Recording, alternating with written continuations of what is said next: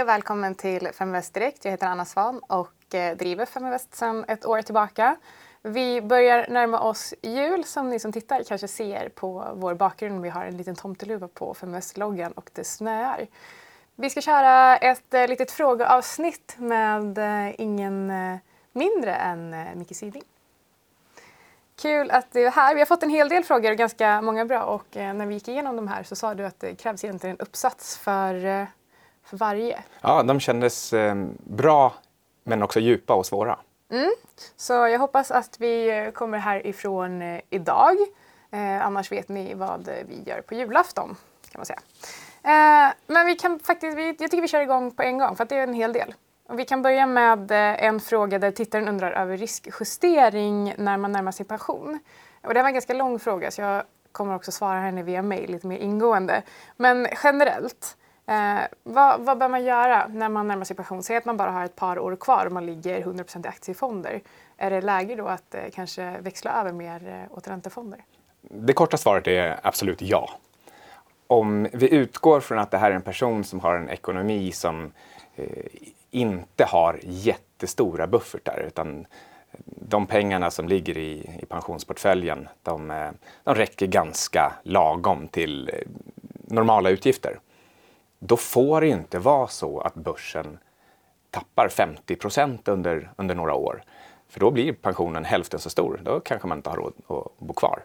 Så eh, beroende på hur lång tid man tror att man har kvar i livet så, eh, så måste man justera det här på något sätt med eh, riktigt säkra tillgångar och eh, väga upp det med, med riskfyllda tillgångar som på börsen. Så jag tycker absolut att man ska eh, successivt vikta om från aktier till räntor Sen hur snabbt man gör, det beror faktiskt på alla möjliga variabler om vilken typ av ekonomi man har. Hur stor buffert har man?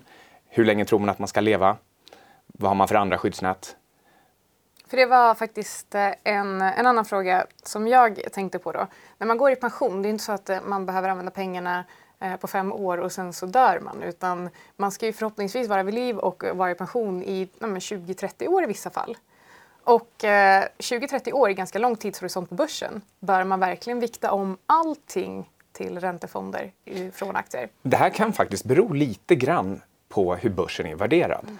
När börsen är högt värderad då brukar det vara så att eh, den har vad man kallar för en duration på kanske närmare 50. Det kan sägas att eh, man helst ska ha en, en, investeringshorisont på 50 år om man ska ha 100% i aktier. Och eh, eh, är, den, är den lågt värderad, ja, då kanske durationen bara är någonstans 15, 15 år.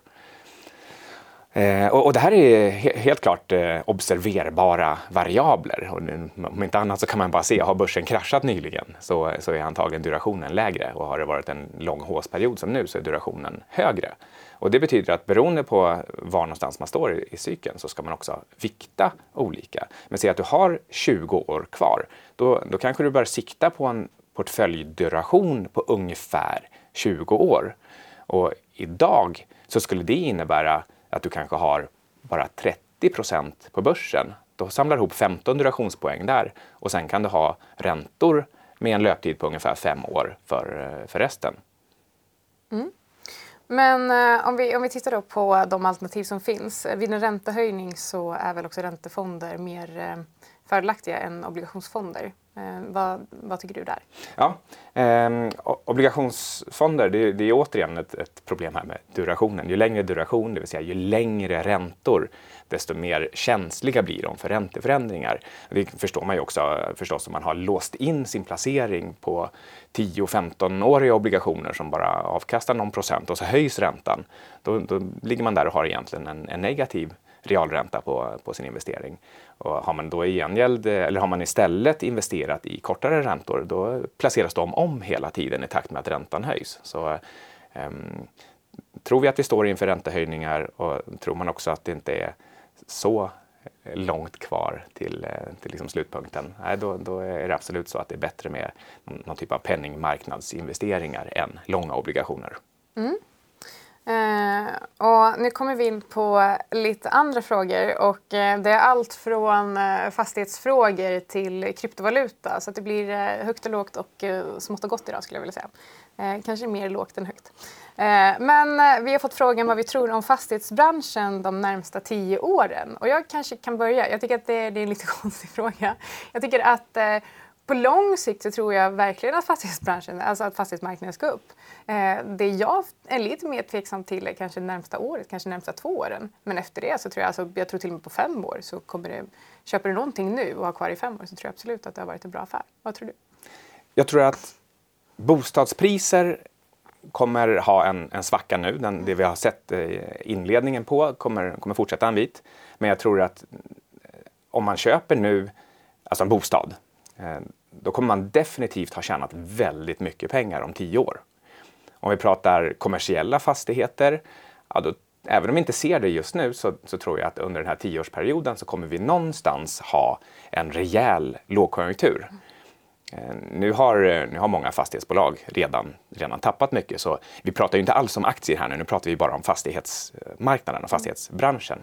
Men jag tror att kommersiella fastighetsbolag kommer Eh, tjäna mindre pengar någon gång under den här tioårsperioden än de gör nu. Det vill säga att de kommer också gå igenom en rejäl svacka. Men det, det gäller ju verkligen att skilja på eh, bostadspriser för privatpersoner, bostadsbyggare, eh, fastighetsägare och sen i nästa skede också deras aktier, vilket är någonting helt annat än, än själva de fundamentala verksamheterna.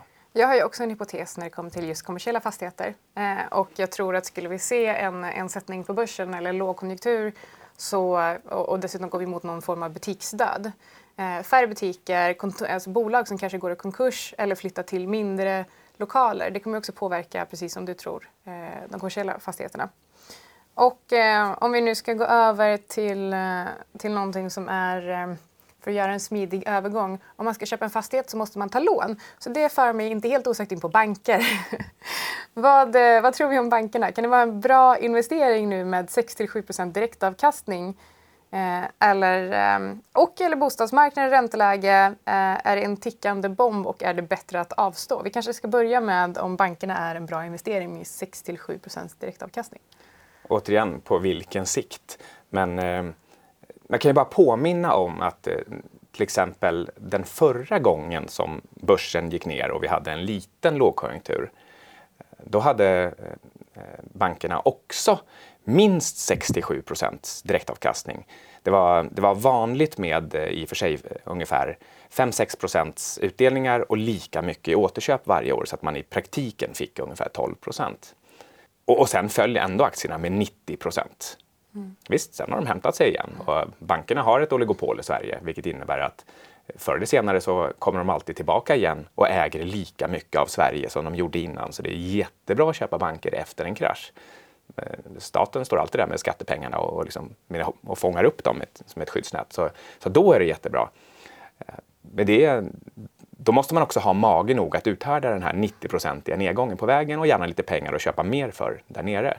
Så det här att de har 6-7 procents direktavkastning, det är, det, är ingen, det är inget skydd eller garanti alls för att kurserna inte kan fullständigt decimeras. Jag har en annan tanke där med eh, ganska hög direktavkastning.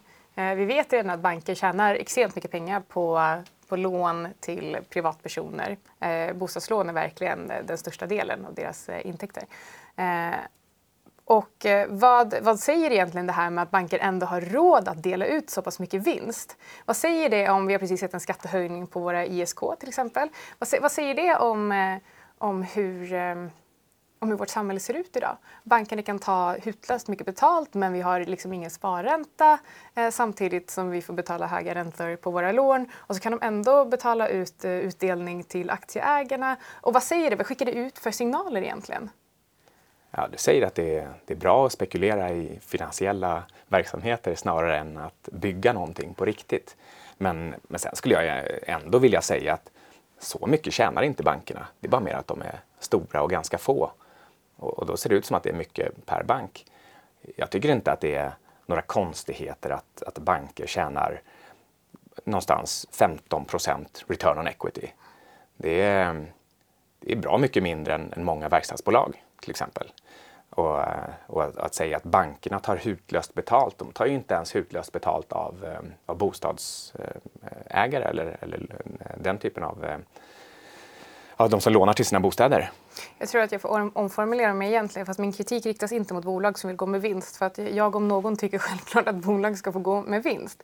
Eh, jag tror snarare att jag tycker att problemet ligger i just det här signalvärdet som vi får när det blir dyrare att spara än att eh, låna pengar. Eh, och det är ju liksom inte bankernas fel. Det är klart att de utnyttjar systemet, det hade jag också gjort. Men det är, jag tycker fortfarande att det är ehm, det är lite märkligt. Ja, det är ju fullständigt hål i huvudet. Och det, där har vi ju liksom regeringen och Finansinspektionen och alla vilka det nu är som, som styr det här helt och hållet fel. Jag tycker att de inte ska styra alls. Mm. Men det är en helt annan fråga. Mm, absolut. Eh, vi får kanske köra ett politikavsnitt längre fram.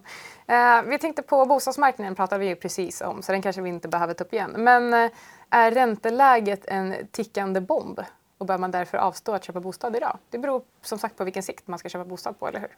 Om man är helt säker på att man kan klara av riktigt höga räntor i en mellanperiod, då tycker jag absolut att man kan köpa en bostad nu. Särskilt om man är en sån person som vill bo. Men eh, kan inte, ett, eh, kan inte en bra sak vara då, om man, om man är rädd för att det är en tickande bomb, vi har jättelåga räntor, kan man inte då binda lånet under en period? Jo, det kan man och det blir, det blir lite dyrare. Det blir några procentenheter högre ränta.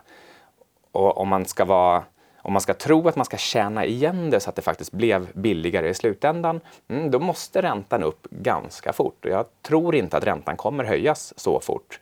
Jag tror eh, centralbankerna världen över kommer släpa efter inflationen. Man kommer manipulera inflationsmåttet och man kommer välja att ha eh, en, en lägre ränta än man i normala fall skulle ha enligt eh, gamla regler. Och det här gör att den som, eh, den som lånar till sin bostad kommer alltid bli en vinnare. Lånar man rörligt kommer man antagligen bli en ännu större vinnare. Åtminstone på någonstans 7 till 10 års sikt. Men, men det, är inte, det är inte helt säkert. Eh, men det viktiga är att man inte får bli uttvingad ur sin bostad på grund av att man några enstaka år inte har råd med räntan eller råkar bli arbetslös precis samtidigt som räntan är hög. Men, men klarar man sig förbi den pucken då, då tror jag att det, det, spelar ingen roll om du köper bostad nu eller i, i någon eventuell botten om tre år. Du kommer, du kommer vara en, en riktig vinnare i alla fall, bara du lyckas hålla kvar vid den. Så uh, om, man, uh, om man gärna vill köpa bostad och är i behov av att köpa bostad men kanske inte tror att man har överlevt en räntehöjning så finns det faktiskt en poäng med att binda räntan just nu. Ja, det är en, det är en bra försäkring. Det är som att köpa brandförsäkring till huset. Man vill inte att det ska, att det ska brinna. Men, eh, men eh, gör det det så måste man ha ett skydd. Exakt, så är det. Och eh, vi, har, eh, vi har en till fråga här till... Eh, eller det är ett påstående till dig och en fråga till oss. Mycket låter ofta negativt till börsen. Det gör väl jag också. eh, men vad tror ni på för genomsnittlig avkastning för globalt index de kommande 30 till 50 åren? Ja, det är ju en relevant fråga, verkligen. All, det är den alla har på sina läppar. Ja. Hur ska börsen gå de kommande 50 åren?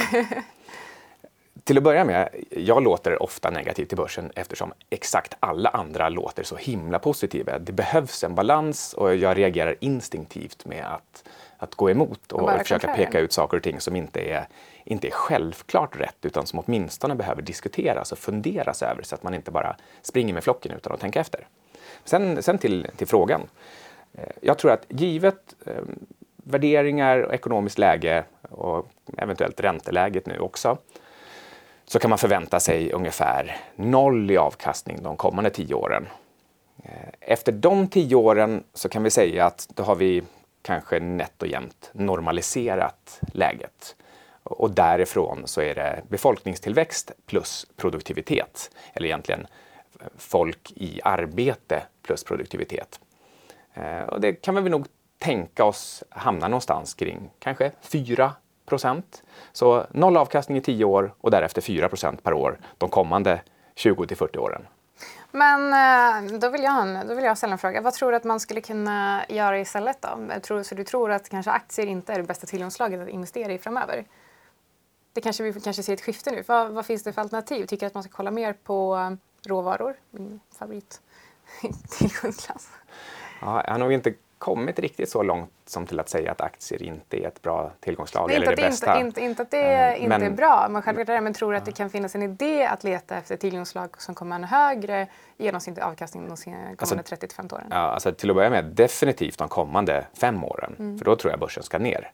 Och de kommande tio åren, om börsen ska stå still men samtidigt svänga lika mycket som den brukar göra, då bör man definitivt hitta någonting annat. Och det kan vara Ehm, att man lånar ut pengar, antingen till, till staten eller till företag eller till privatpersoner. Det är en intressant tillgångsklass. En annan är olika typer av råvaror, softs, alltså typ jordbruksprodukter. Ehm, de står historiskt extremt lågt just nu och kan vara i precis rätt läge att skifta över till från börsen. Det är också, eh, också en, eh, någonting som jag investerar ganska mycket i. Just softs. Mm, mm. Och jag är lite av en, en eh, guld... Eh, eh inte, inte goldbug egentligen, men jag, jag tycker att guld ser ut att ha ett intressant läge nu på grund av eh, eh experimenten, de monetära experimenten med nollräntor, negativa räntor, penningtryckande. Och eh, det ser ut som att dollarn har, den håller på att utmanas som reservvaluta och då tror jag att i en, någon typ av finansiell eh, reset så kan guld bli en, en spelbricka. Och ehm, eh, ja, då kan guld komma att värderas upp väldigt mycket för att man använder det som en, som en bas för nästa monetära system. Vi har eh, en, eh, en annan fråga här som undrar om vi kan ta upp Black Swan-teorin och att det hade varit intressant för 2018. Så jag antar att frågan egentligen är vad vi tror att det skulle kunna komma för svarta svanar under 2018 och bara genom att svara på den frågan så blir det inga svarta svanar. Det är väl ungefär det teorin säger. Ja, samtidigt... Ja, det, det här blir ju då en definitionsfråga. En, en, en svart svan är per definition någonting som man inte ens liksom, kan sätta fingret på. Men eh, om man mjukar upp definitionen lite grann och bara säger att det är en eh, rimligt osannolik händelse som kan ha en väldigt stor, oftast då negativ eh, effekt. Så eh, då spelar det ingen roll hur mycket man pratar om dem. De kan ändå inträffa, även om folk har dem lite grann i medvetandet. Det är som eh, år 2000-kraschen. Den, den var i princip alla beredda på. Alla visste om det. Man visste om det precis lika mycket som man vet att om, om man spelar eller leker Hela havet stormar och springer runt stolarna och ska sätta sig. Man vet att det, att det saknas en stol. Lika säkert visste man att det skulle krascha år 2000. Men man måste liksom ändå vara med och leka och det är roligt så länge det varar. Och sen, sen åker man ur, men då får man liksom köpa efter kraschen igen. Så, eh, och, och, och- på samma sätt så, så visste man att det skulle komma en, en fastighetskrasch. Alla pratade om den. Alla visste att det skulle kunna dra med sig det finansiella systemet. Det var inte heller en, en svart svan i den bemärkelsen eftersom egentligen alla visste om det. Men sen finns det den här, liksom, den här centralbanksputten också, att man är hela tiden beredd på att myndigheterna kommer rädda oss. Och för varje gång som det kraschar och myndigheterna steppar in ännu hårdare så blir man ännu mer beredd på att ja, ja, den där, eh, när kraschen kommer, men det är då man verkligen ska vara med och köpa. Det spelar ingen roll om man förlorar på vägen ner, för det, det viktiga i en lågkonjunktur är inte vad man hade på väg in, utan vad man har på väg ur den. Absolut. Eh, och det är också ett eh, ganska, det finns, det finns en intressant aspekt av det där. För att, eh, jag vet att man, man pratar om ungdomar som är med om en, eh, som är med om en börskrasch som precis har börjat investera och sen blir rädda och aldrig investerar igen. Det de glömmer av är att det är en sån liten del av sitt totala kapital de kommer ha under hela livet som de blev av med på börsen. Att de blir av med ännu, ännu, ännu mer genom att inte investera igen. Så alla ni som ganska nyss har börjat investera, tänk på det att ser vi en sättning nu under 2018 och 2019 så eh, häng in there och, eh, och fortsätt. Bra med... eh, Jag, jag lyssnar på ganska mycket investerarlegender och, och hur de började och sen fortsatte sina investerarliv. Det är ganska kul att höra hur de som var, började med att vara med om stora förluster och, och en krasch, de säger att det var det bästa som kunde hända mig. Jag lärde mig så himla mycket saker på det, att vara noggrann och disciplinerad, massa med bra karaktärsdrag och, och som, som gjorde att de sen tjänade desto mer. Eh, sen är det klart att de vi inte hört talas om, de kan ha blivit eh, liksom, helt nedslagna i skorna av den här första förlusten och sen så vägrar de hålla på med börs igen. Mm. Eh, men, men även de som har blivit riktigt, riktigt framgångsrika som började med att vara med om eh, stora initiala förluster, de säger att då blev jag biten, då blev jag aktiebiten, jag, jag, det här ska jag hålla på med resten av livet.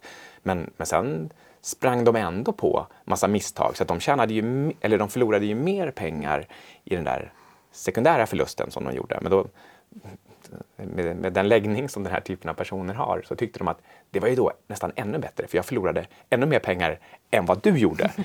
så, så då lärde jag mig verkligen den här läxan. Mm. Den som förlorade mest vann. Man tror. Så är det bland de stora. Ja, och det finns faktiskt en annan ganska eh, speciell studie som visade på att efter eh, 00 eh, så var det först för ett par år sedan som antalet portföljer igen började öka. Mm. Eh, nyöppnade. För att det var, det var så pass många som stängde ner och eh, slutade investera för att de blev liksom brända. Och nu verkar det som att en ny generation har glömt av det här och därför börjar investera och därför öppnas det fler portföljer. Så nu ökar antalet investerare på marknaden. Eh, det skulle också kunna vara ett topptecken, men det vet man inte. Och, och, att jag håller på helt och hållet avvecklar min egen börsportfölj. Ja, och Nästan då, klar. Ja, och det för oss vidare till nästa fråga. Vad är ditt största innehav i portföljen? Och jag tror att eh, vi här får eh, räkna med eh, samtliga eh, portföljer eh, som du har.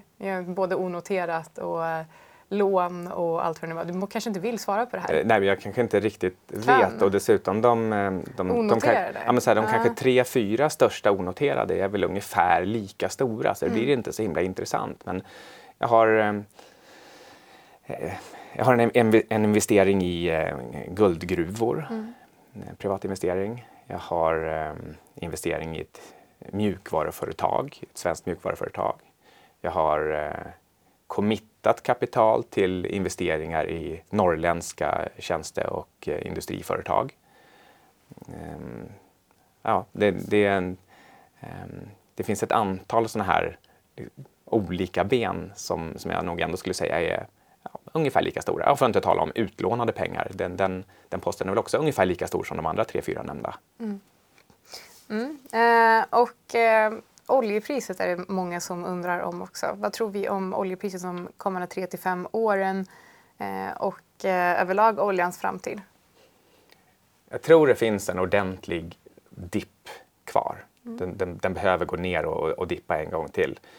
Jag, jag tror att men på vilken sikt tänker du nu? Alltså, så, här, så här kanske man ska börja med att säga. Jag är ingen oljeexpert. Mm. Den som lyssnar på det här ska gå till helt andra källor och lyssna på det. Men om jag nu får frågan, då, då kan jag svara på ja, den även om det inte blir något, något bra eller trovärdigt ja. svar. Um, men, men uh, man har blivit bättre och bättre på att ta fram olja uh, billigt, även svårtillgänglig olja. Vi pratar om shale i USA inte minst. Om uh, om vi dessutom får en, eh, en lågkonjunktur på halsen och har den här potentiella överproduktionen, eh, då kan det bli, liksom där, lagersituationen är, är sån hela tiden att den, den ligger liksom ganska nära gränsen. Och även om man de senaste ett, två åren har, har lyckats eh, hantera det där så, så kan vi definitivt ganska snabbt hamna i en situation igen där det finns, man har ingenstans att göra av oljan. Och då på marginalen så säljs den där ner till, eh, till eh, kostnad för att producera eller, eller ännu lägre. Mm. Eh, och då, då, tror jag att vi kan komma ner igen till 30-40 dollar.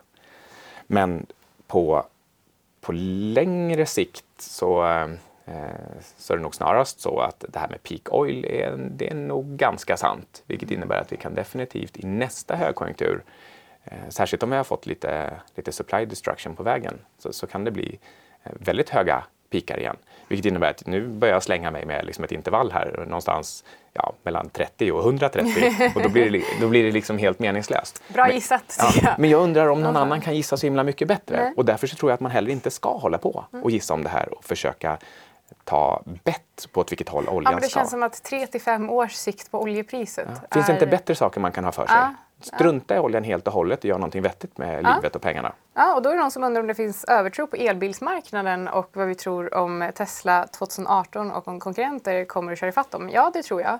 Och jag tror inte att Tesla kommer att ha ett speciellt ljust år 2018. Det finns, det finns många anledningar till det. Dels det här med, med att e- Elon Musk försöker rädda upp sin katastrof genom att lansera någon lastbil som var så här, bästa eh, bästa grej är att den kan ta sig från 0 till 100 jättesnabbt. Vad, vad ska du med det till på en lastbil? Och sen så har du den här andra elbilen som du kunde förhandsboka för var det 50 000 dollar eller var det 5 000 dollar? 50. 50 000 dollar. Ja, det är, ju, eh, det är ju bara för att de behöver ha kassa, för att de inte kan leverera sina tidigare. Men tänk dig att du är lastbilschaufför och du åker av färjan någonstans nere i södra Sverige. Jag vet inte vad hamnarna heter.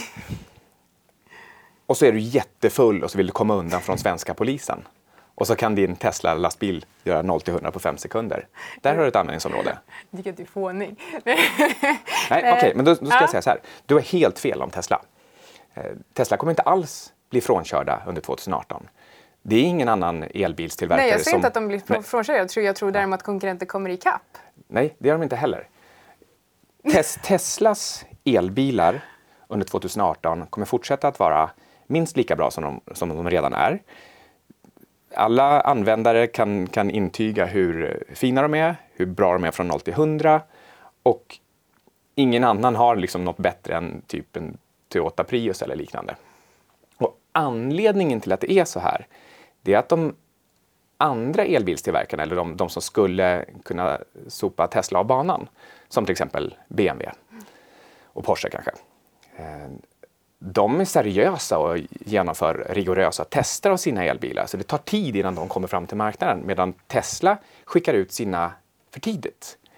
Eh, det här förstås kommer innebära katastrof för Teslas aktiekurs. Den ska ner 90 procent. Det är det jag men, menar. Men, kanske inte 2018. Men, men 90, och sen är det inte helt orimligt att Tesla ska gå i konkurs också. Mm. Men själva bilarna under 2018 tror jag fortfarande kommer att vara de eh, de, eh, ja, mansplainar dig medvetet här. Fin kavaj. men men eh, vad jag egentligen gör är att jag säger till den som har ställt frågan att eh, du måste ställa frågan mycket noggrannare. Pratar du om aktien eller pratar du om bilarna? V vad menar du med komma ifatt? Mm. Det finns mm. en övertro på elbilsmarknaden? Nej, för jag tror att i framtiden så kommer det var 100% elbilar. Ja, som vi sa, hur, hur, ska ens, hur kommer det ens vara lagligt i framtiden att köra med något annat än, än elbilar? Ja. Det är helt så, orimligt. Sen går det inte att överskatta. Däremot så kan mm. man mycket väl överskatta um, till exempel en, en aktie som Tesla. Den är mm. överskattad. Mm. Mm. Uh, vi kan uh, innan vi rundar av snacka lite kryptos. Det mm. gillar vi. Framförallt, uh, framförallt jag och du kanske. Vi gillar det nog lika mycket tror jag. Mm, av oss två så framförallt vi två. Mm. det var ingen tävling tänkte jag. Vi kan inte avgöra vem som tyckte om det mest. Eh, vad händer när kryptomarknaden möter den riktiga marknaden? Och när går eh, krypto från obskyr till att bli en del av finansvärlden som nu i och med Bitcoin Futures? Jag vet inte, jag tycker att du svarade på frågan ganska bra själv. jag har inget att tillägga. Jag tycker inte att det är så obskyrt längre. Vad tycker du? Jag undrar hur många som äger kryptovalutor i Sverige idag. Du drog ju en... Eh... Jag tror att det inte är mer än någon procent. Nej. Jag tror att eh, av de som är intresserade av finansiella placeringar, som mm. är aktiva i, inom det. Mm. Eh, till att börja med så tror jag att det kanske är 20 procent av, av, Sveriges befolkning. Mm. Du kanske har statistik på hur många som har aktiedepå? Uh, nej, men du, jag tänkte faktiskt på det. Uh, det är... Uh, nej, jag vet inte. Är det mer än en miljon? Är det mer än två miljoner? Tror du? Nej. Nej, Nej. Så, det, så det är färre än 20 procent kan vi säga som är intresserade av aktier. Mm. Och hur många procent av de här har gett sig in och placerat i, i kryptovalutor? Mm. Och, och, då, tror jag, då kanske man ska räkna bort de som faktiskt bara har liksom, ja, nej, men liksom, eh, så lite att det överhuvudtaget inte ens spelar någon roll för deras mm. ekonomi. Ah, okay. ah. Eh, så, så liksom, jag vet inte om, om det är ett signifikant antal eller inte, men ta bort dem. Då tror jag att det är, det är max 1 procent av Sveriges befolkning som äger bitcoin eller någon annan kryptovaluta. Vilket innebär att vi är långt ifrån mainstream. Vi är långt mm. ifrån att att folk börjar använda det här eller att, eller att det är så många som köper att det finns ont om bitcoin och att mm. det skulle driva upp kursen. Så än så länge så är det, det, är, det, det är, liksom, det är finansiell spekulation av, av ett ytterst litet fåtal som håller på med det här. Eh, och sen, ja, det, är, det är lite svårt att eh, köpa saker för sina bitcoin på ett enkelt sätt. Mm. Så um, jag tror inte att det, att det här löser sig 2018 heller. Och det som till exempel Alexander Bard sa i min intervju med honom att nästa generation webbläsare kommer ha en liten, liten knapp där det står bitcoin eller liksom köp för kryptovaluta eller något sånt där. Precis lika enkelt som du har ett litet eh, Visa eller Mastercard-symbol. Eh, det, det kanske inte kommer 2018 heller, men det är snart, det är nära. Eh, men, men eh, jag förstår inte riktigt varför. var- Det kommer inte hända någonting. Det är inte så att bitcoin kommer krascha, inte mer än vad den brukar jo, göra. Ja, jag tänkte precis säga det. Bitcoin, eh, när kraschar bitcoin var faktiskt sista frågan. Och, Ja, eh, I förrgår. Nej, men ganska ofta och hela tiden och förmodligen framöver också på vägen upp. Mm, 40 procent lite då och då. Kanske 80 procent lite mer sällan. Ehm, men, men vad gör det, så att säga? Men jag tycker att vi kan avsluta det här frågeavsnittet med att du och jag får gissa på vad bitcoin kommer stå i vid årsskiftet. Eh, så kan vi se vem som var närmast. Eh, 21 500 dollar. 21 000. ja, okej, så får vi se då. Ja, okej. Eh, ja, vi får se vem som har mest rätt. Så eh, om, om bitcoin inte ens når 20 000 så har ju du vunnit. Så, mm. Ja, men eh, tack så mycket för att ni lyssnade eller tittade så eh, ses vi nästa vecka för sista avsnittet det här året. Tack! Ja, tack.